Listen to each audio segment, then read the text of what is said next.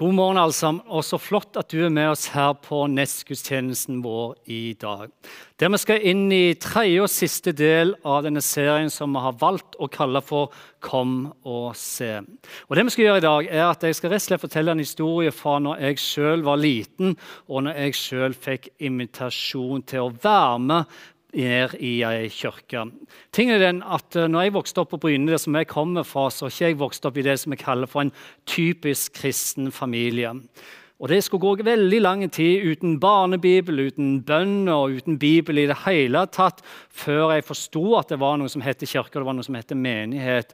Faktisk var jeg syv år gammel da det kom en venn og inviterte meg med ned til det som de var kalt for basar, som jeg skulle få lov til å være med på. Og Det var mitt første møte med menighet i grunnen. Uh, som jeg sa, så er ikke jeg vokst opp i noen kristen familie, så vi hadde ikke noe grunnlag. Det var ikke noen i familien vår som hadde noe grunnlag for å fortelle eller dele dette via. Så for meg personlig så var denne her invitasjonen faktisk helt avgjørende for mitt liv. Denne vennen som kom, visste nok ikke det. Han visste ikke uh, hvor utrolig viktig dette ble for meg. Men for meg som sjuåring den gangen så fikk jeg mitt første med menighet, og det var et godt møte med menigheten. Og Nå vet ikke jeg hvordan det er med deg, men kanskje var det sånn for deg at det var foreldrene dine som tok deg med, eller kanskje det var en venn som inviterte deg, og kanskje det var læreren som sa noe som gjorde så sterkt inntrykk på deg, eller kanskje det var noen venner som bare dro deg med, slik at du fikk komme og møte Jesus. For meg så var dette den første invitasjonen jeg var syv år gammel. Og Jeg kom ned til den basaren og husker det kjempegodt når jeg kom inn der. Jeg husker det ennå når jeg tenker på det, disse hekleteppene som hang der. og jeg husker um, Hus som sier det bygd sånn trehus som skulle loddes ut. Det var noen tretog der som også skulle loddes ut. Og så var det noen fruktkorger. Og så husker jeg at de hadde noen utrolig gode sånn halvvarme boller og ei altfor utblanda saft. Men grunnen til at jeg husker dette så godt, handler jo ikke om noe noen ting av de tingene som jeg har nevnt. Grunnen til at jeg husker denne dagen så utrolig godt, var at jeg møtte ei dame som heter Alvhild for første gang. For mens jeg sto der inne i vrimmelen av folk, og alt skjedde, og jeg ikke forsto noen som helst ting av hva som skjedde, fordi jeg ikke var vant med å være i menighetssammenheng, så så Alvhild meg fra andre siden av rommet. og Hun valgte å ta de stegene og gå gjennom rommet, bøye seg ned, legge hånda på skulderen til syvåren hjem og så si dette. Hei, det var en kjekk kar. Hva heter du? Og for det øyeblikket, når jeg så inn i øynene til Alvhild For det øyeblikket så har jeg alltid tenkt positivt om menighet, om menighetsfolk. Om det å være en kristen, det er noe godt. Ja, Det skulle gå ti år til før jeg tok imot Jesus sjøl som 17-åring. Men fra den dagen som syvåring så har jeg alltid tenkt positivt om Gud, om religion, om tro, om det å være kristen og det å tilhøre en menighet. Jeg ble så glad faktisk etter dette møtet med Alvhild. Jeg husker ikke så mye av det etterpå, men det jeg husker var at jeg sprang hele veien hjem og det er ganske langt hjem til mamma for å fortelle om møtet med Alvhild. Den dag i dag så er det slik at jeg tenker for mitt liv så ble den invitasjonen helt avgjørende. Ene alene fordi det var én gutt på syv år, en venn, som valgte oss å si 'kom og se'. Det var det som gjorde at jeg får lov til å se inn i øynene til Alvhild, ei dame som faktisk presenterte noe av Guds vesenet for meg. Det var det som gjorde at jeg sprang hjem nesten som en gaselle, så vidt toucha bakken hjem til mamma og fortelle om dette flotte møtet. For det var en som inviterte og sa 'kom og se'. Om det er noe som virkelig fascinerer meg, og fascinerer meg den dag i dag Hei, for jeg ble kristen, så kjenner jeg at dette berører meg dypt dypt inn i hjertet mitt. Når jeg leser om Jesus i evangeliet, om hvordan han møtte mennesker på den tida. Jeg mener jo, jeg, jeg ville jo tenkt at Jesus Du har jo i grunnen vanvittig dårlig tid. Du har tre år på å fullføre det store oppdraget som du har fått. Du skulle gi videre dette som du fikk fra din far til oss mennesker, gjennom disse disiplene som du plukket ut. Og jeg bare tenker, bare Disiplene gjør at du har dårlig tid, for det, det var det mye å jobbe med. Det var det mye å rydde i. Jeg tenker, Du har ikke et minutt til overs. Og allikevel, det som fascinerer meg når jeg leser, allikevel så igjen og igjen og igjen så velger Jesus å stoppe opp med mennesker. Mennesker som andre ikke vil ha noe som helst med å gjøre. Mennesker som andre snur ryggen til. De velger Jesus å stoppe opp med og gi sin tid. Se dem og bekrefte dem og lytte til dem. Som denne kvinna med brønnen i Syka. Jesus går ikke forbi, men Jesus setter seg ned med henne som ingen vil ha noen ting med å gjøre. Han gir sin tid. Han velger å ha tida. Men Jesus, du har det så travelt, tenker sikkert disiplene. Nei, dette skal jeg ha tid til. Som Sakkeus. Av alle mennesker i den byen så vil Jesus stoppe med treet til Sakkeus inviterer han ned og bruker hele kvelden med Sakkeus. Av alle mennesker. Hvorfor Sakkeus? Ja, Disiplene hadde sikkert travelt, men dette prioriterte Jesus. Som kvinnene som kom med barna. Disse kvinnene som ikke hadde noen stemmerett på den tida, og barna som ikke hadde noen større verdi. De valgte Jesus å stoppe med. Disiplene sier tydelig det. Dette har ikke vi tid til. Det er skyv unna. Men Jesus sier stopp med det der, og la de små barn komme til meg. Hindre de ikke, for dette skal jeg ha tid til. Eller kvinner som ble tatt på fersken i hor, som de kasta framfor. De sto klar til stein. Hva er det Jesus gjør? Han bøyer seg ned på hennes nivå. Han viser empati, han viser medfølelse. Vet du hva? Jesus han har tid til hver eneste en av disse menneskene. Ja, til og med på korset, i sitt dypeste mørke så har Jesus tid for oss mennesker. Idet den ene røveren roper om hjelp, om nåde, og Jesus sier i dag skal du få være med meg til paradis. Ja, Jesus han hadde det travelt. Han hadde mye mye å gjøre på. Han hadde et stort oppdrag å gjennomføre. Men dette valgte han å ha tid til. Til å lytte, til å være nær til å bekrefte, til å se og invitere andre mennesker med på veien. Ja, det fascinerer meg. Det griper meg dypt inn i hjertet at jeg har en far og en Gud som er sånn med oss. For Når du leser i Bibelen og leser videre, så vil du også lese det at uansett hvilken fortid mennesker hadde, uansett hvor de kom ifra, uansett hvor de hadde vært, så handla ikke det om noe for Jesus. Det som betydde noe, var hvilken vei de var på vei. Hvor er du på vei med ditt liv? Det var rundt det Jesus brydde seg om. Han brydde seg ikke om fortida, men brydde om framtida. Jesus sier det sjøl slik som dette her. For jeg er ikke kommet for å dømme verden, men for å frelse verden. Og Det er også dette som gjør at fiskeren Andreas og Simon Peter de velger å legge ned garnene sine når Jesus kommer og sier 'følg meg'. De gjør det helt frivillig fordi Jesus kom for å frelse. Det er også det som gjør at toller Matteus, som sitter i tollboden, som var forhatt, en, som drev med skattebøker, som førte og Disiplene sannsynligvis var i samme uh, plass som Matteus, og de var sikkert ganske overrasket og litt, kanskje litt irritert på at Jesus velger Matteus til å følge ham. Men Matteus, hva er det han gjør? Han lukker skatteboka for siste gang. Han reiser seg opp og han følger Jesus. Hvorfor? Jo, for Jesus kom for å frelse denne verden. Også det som gjør at vi med vår frihet kan få lov til å velge slik som Maria Magdalene også gjorde. Hun la det gamle livet bak seg og begynte en ny kurs sammen med Jesus. Hvorfor? Jo, fordi det var helt frivillig, men hun visste at det Jesus hadde, det ønsket hun for sitt liv liv. Jesus, kan du bruke meg, en enkel fisker, tenkte sikkert Simon og Andreas. Eller kan du bruke meg, ei kvinne som meg, tenkte Maria. Kan du bruke meg, sa sikkert Matteus. Ja. Og Jesus' umiddelbare reaksjon er dette. Så klart kan jeg bruke deg.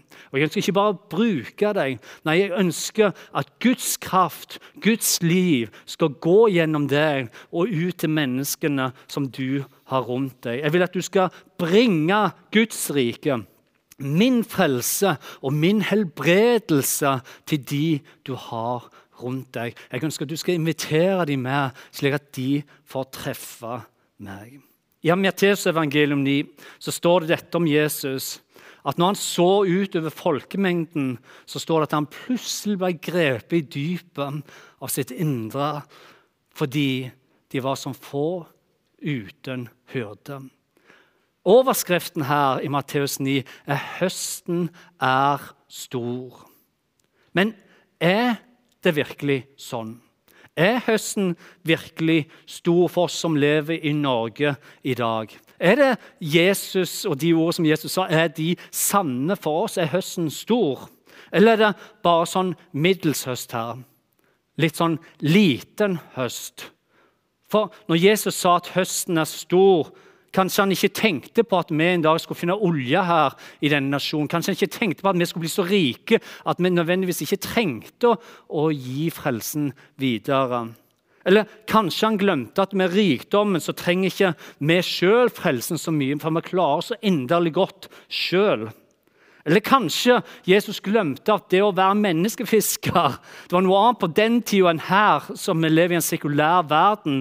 Fordi vi lever faktisk på et plass der folk ikke er så hengivne lenger. En plass der folk er ganske så lunkne til dette. Kanskje ikke Jesus forsto det. Så når han sier at høsten er stor, kanskje han mente var stor, og ikke er stor. Kanskje han mente at det var slik en gang at høsten var stor. Men nå er det ikke slik, fordi vi lever en plass der ikke er høst, i fedrelandet Norge.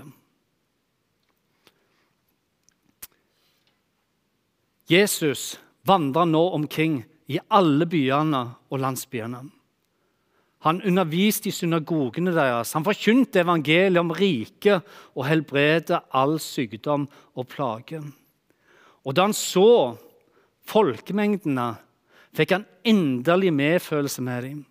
For de var forkomne og hjelpeløse som sauer uten gjeter. Jesus han fortsetter. Da sa han til disiplene sine.: Høsten er stor, men arbeiderne få. Be derfor høstens herre om å sende ut arbeidere for å høste inn grøten hans.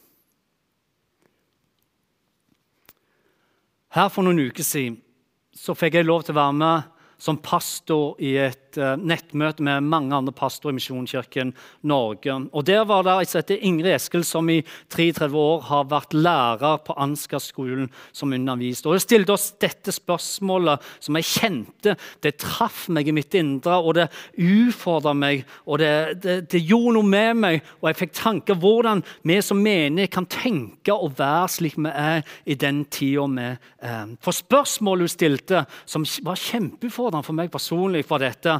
Vet du hvordan en typisk misjonær ser ut? Og svaret hun ga, var dette bildet her. En typisk misjonær i dag.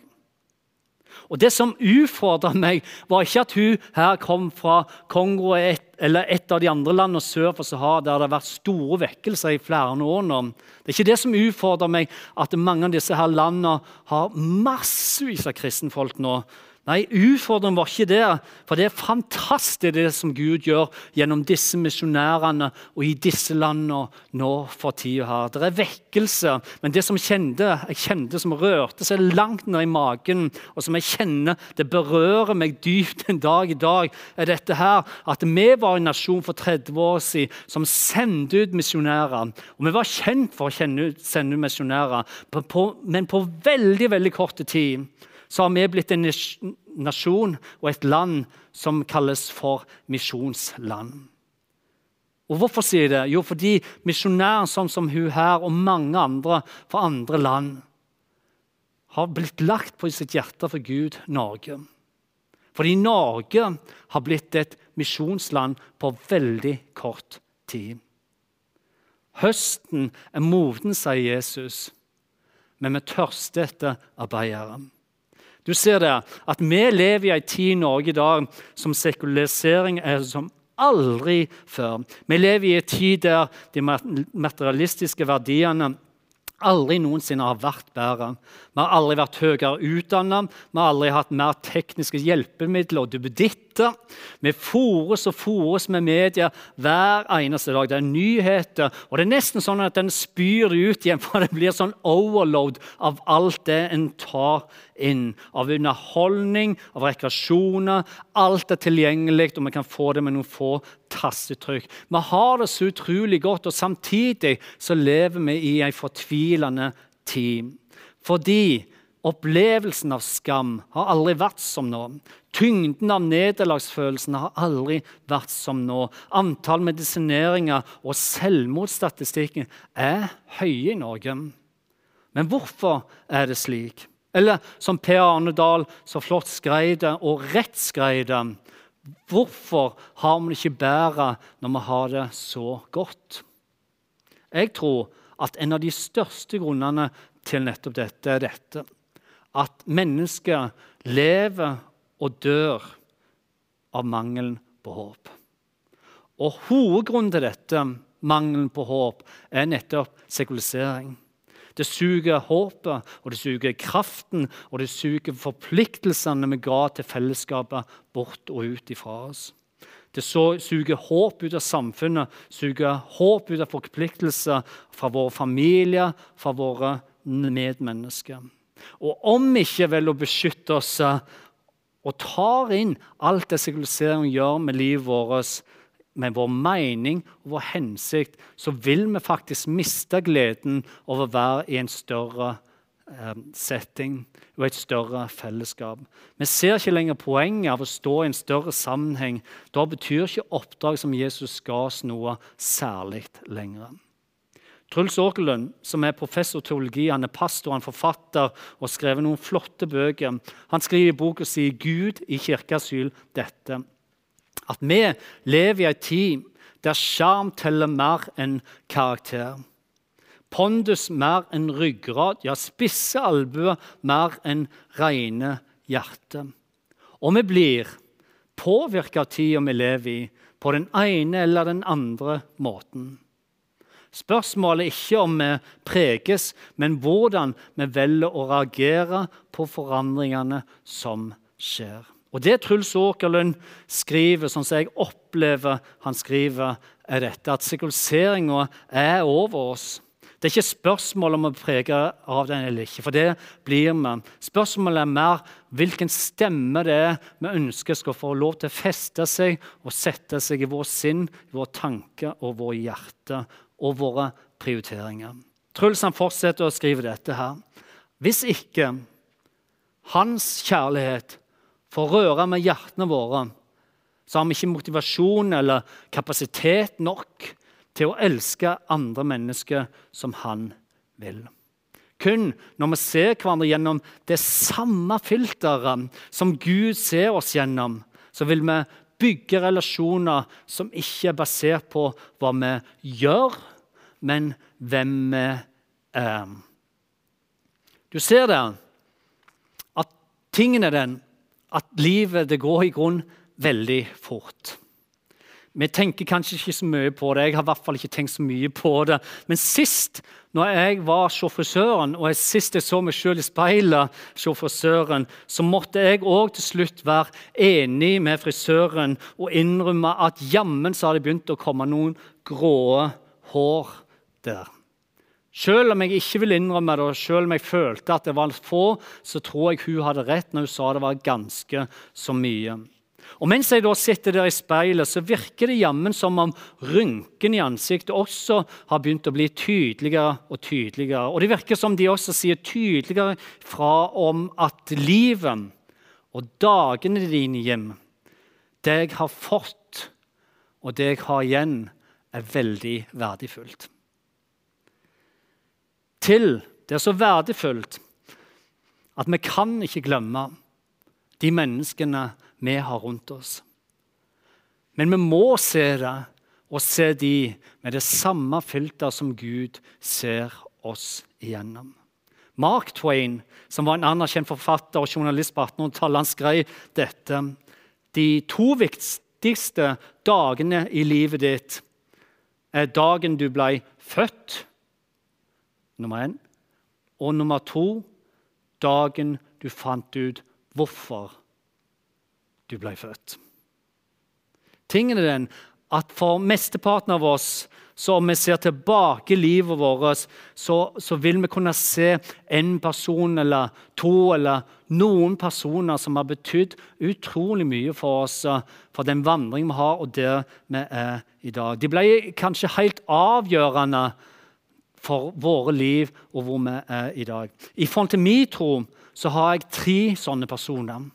Og Det er tre hendelser sammen med disse personene som har gjort meg til den jeg er i dag. tror jeg. Og mange andre ting. Men disse er tre store ting som gjorde endringer i mitt liv. Tingen er den at disse tre personene her overhodet ikke visste at pga. de inviterte, pga. de valgte å ha tid til meg, pga. de valgte å se meg og lytte til meg De hadde overhodet ingen fantasi eller ingen tanke om at det skulle bety så mye for meg. Det de gjorde, det var bare at de lydde Gud. De lydde Jesus' sin befaling om å invitere, om å være til stede. Men for meg så ble det radikalt avgjørende. Det ble helt avgjørende at noen faktisk valgte å invitere, at noen valgte å ha tid for meg. De brydde seg nok til å ha tid. De brydde seg nok til å se det som Jesus så i meg. C.S. Lewis, som er, han var en forfatter, og ennå den dag i dag så betegnes han nok som en av de vår tids største tenkere. Han skrev dette her om oppdraget som Gud har gjort oss eh, til den enkelte og den hver enkelt troende og menighet. Slik skrev han det. Menigheten, hva er det? Nei, den eksisterer ikke for noen annen grunn enn å dra mennesker til Kristus. Og gjør de til små Kristuser. Hvis ikke menigheten gjør det, er alle katedraler geistlige misjonsvirksomheter, preikene, ja, selve Bibelen ganske enkelt bortkasta tid. Gud blir ikke menneske for noen annen hensikt. Det var dette Jesus kom for. Det var derfor han valgte å bøye seg ned. Det var derfor han gav sin tid, så disse menneskene, ga seg sjøl for oss, til slutt døde på et kors og sto opp igjen. Fordi noen den dag i dag trenger din og min invitasjon. Noen trenger å bli sett av deg, sett av meg. Noen trenger at vi som menighet, vi som enkeltmennesker, tar faktisk Jesus på ordet og sier til noen 'kom og se'. Jesus han sa det sjøl sånn som dette. Og dette er mitt bud. Dere skal elske hverandre som jeg har elsket dere. Ingen har større kjærlighet enn den som gir livet for vennene sine. Jeg var syv år. Det var en venn som kom til meg og sa, 'Jim, kom og se'. Ja, Det skulle gå ti år, og jeg var 17 da jeg tok imot Jesus. Men betydningen av denne invitasjonen helt uvurderlig. Betydningen av at jeg skulle få møte ei dame med navn Alvhild. Ei dame som ikke sa så mye, som ikke hadde store ord, men som valgte å gå de skrittene over lokalet når hun så denne gutten for første gang. er Helt uvurderlig. Hun var den som speidet etter høsten. Hun var den som speidet etter hvem kan jeg se, hvem kan jeg bekrefte, hvem kan jeg være til stede for. Jesus sier at høsten er moden, men hva ser du? Hva ser jeg? For noen så jeg kom og se starten på noe helt nytt. For noen jeg kom og se en helt ny evighet. Ja, For noen så betyr din og min invitasjon hele, hele forvandlingen. Jesus sier høsten er moden, arbeiderne får. Skal du være med og arbeide slik at noen får lov til å oppleve hvem Jesus virkelig er. Skal vi be sammen helt, helt til slutt. Takk, gode Jesus, for din inderlige medfølelse og kjærlighet til oss. Takk, gode Gud, for frelsen som du ga. Takk for at du elsker alle mennesker, og du ønsker bare det beste for alle mennesker. Ja, takk for at du gjennom evangeliene som vi leser om, Herre, og med historien om deg, du viser oss så utrolig tydelig hvorfor du kom, hva du sa, og hvordan handlingene dine ikke bare var, men det ble faktisk til liv. Må du hjelpe oss å handle på samme måten som du. La det ikke bare være ord, men la det bli handling, Herre. Hjelp oss til å elske hverandre slik som du lærte oss å elske. Hjelp oss til å handle og invitere, se og bekrefte mennesker vi har rundt oss. Takk, Herre, for at du valgte å ha tid for meg, og du velger å ha tid for oss. Må du hjelpe oss, Herre, som ikke har det så travelt at vi glemmer å ha tid i vårt liv for det viktigste av alt.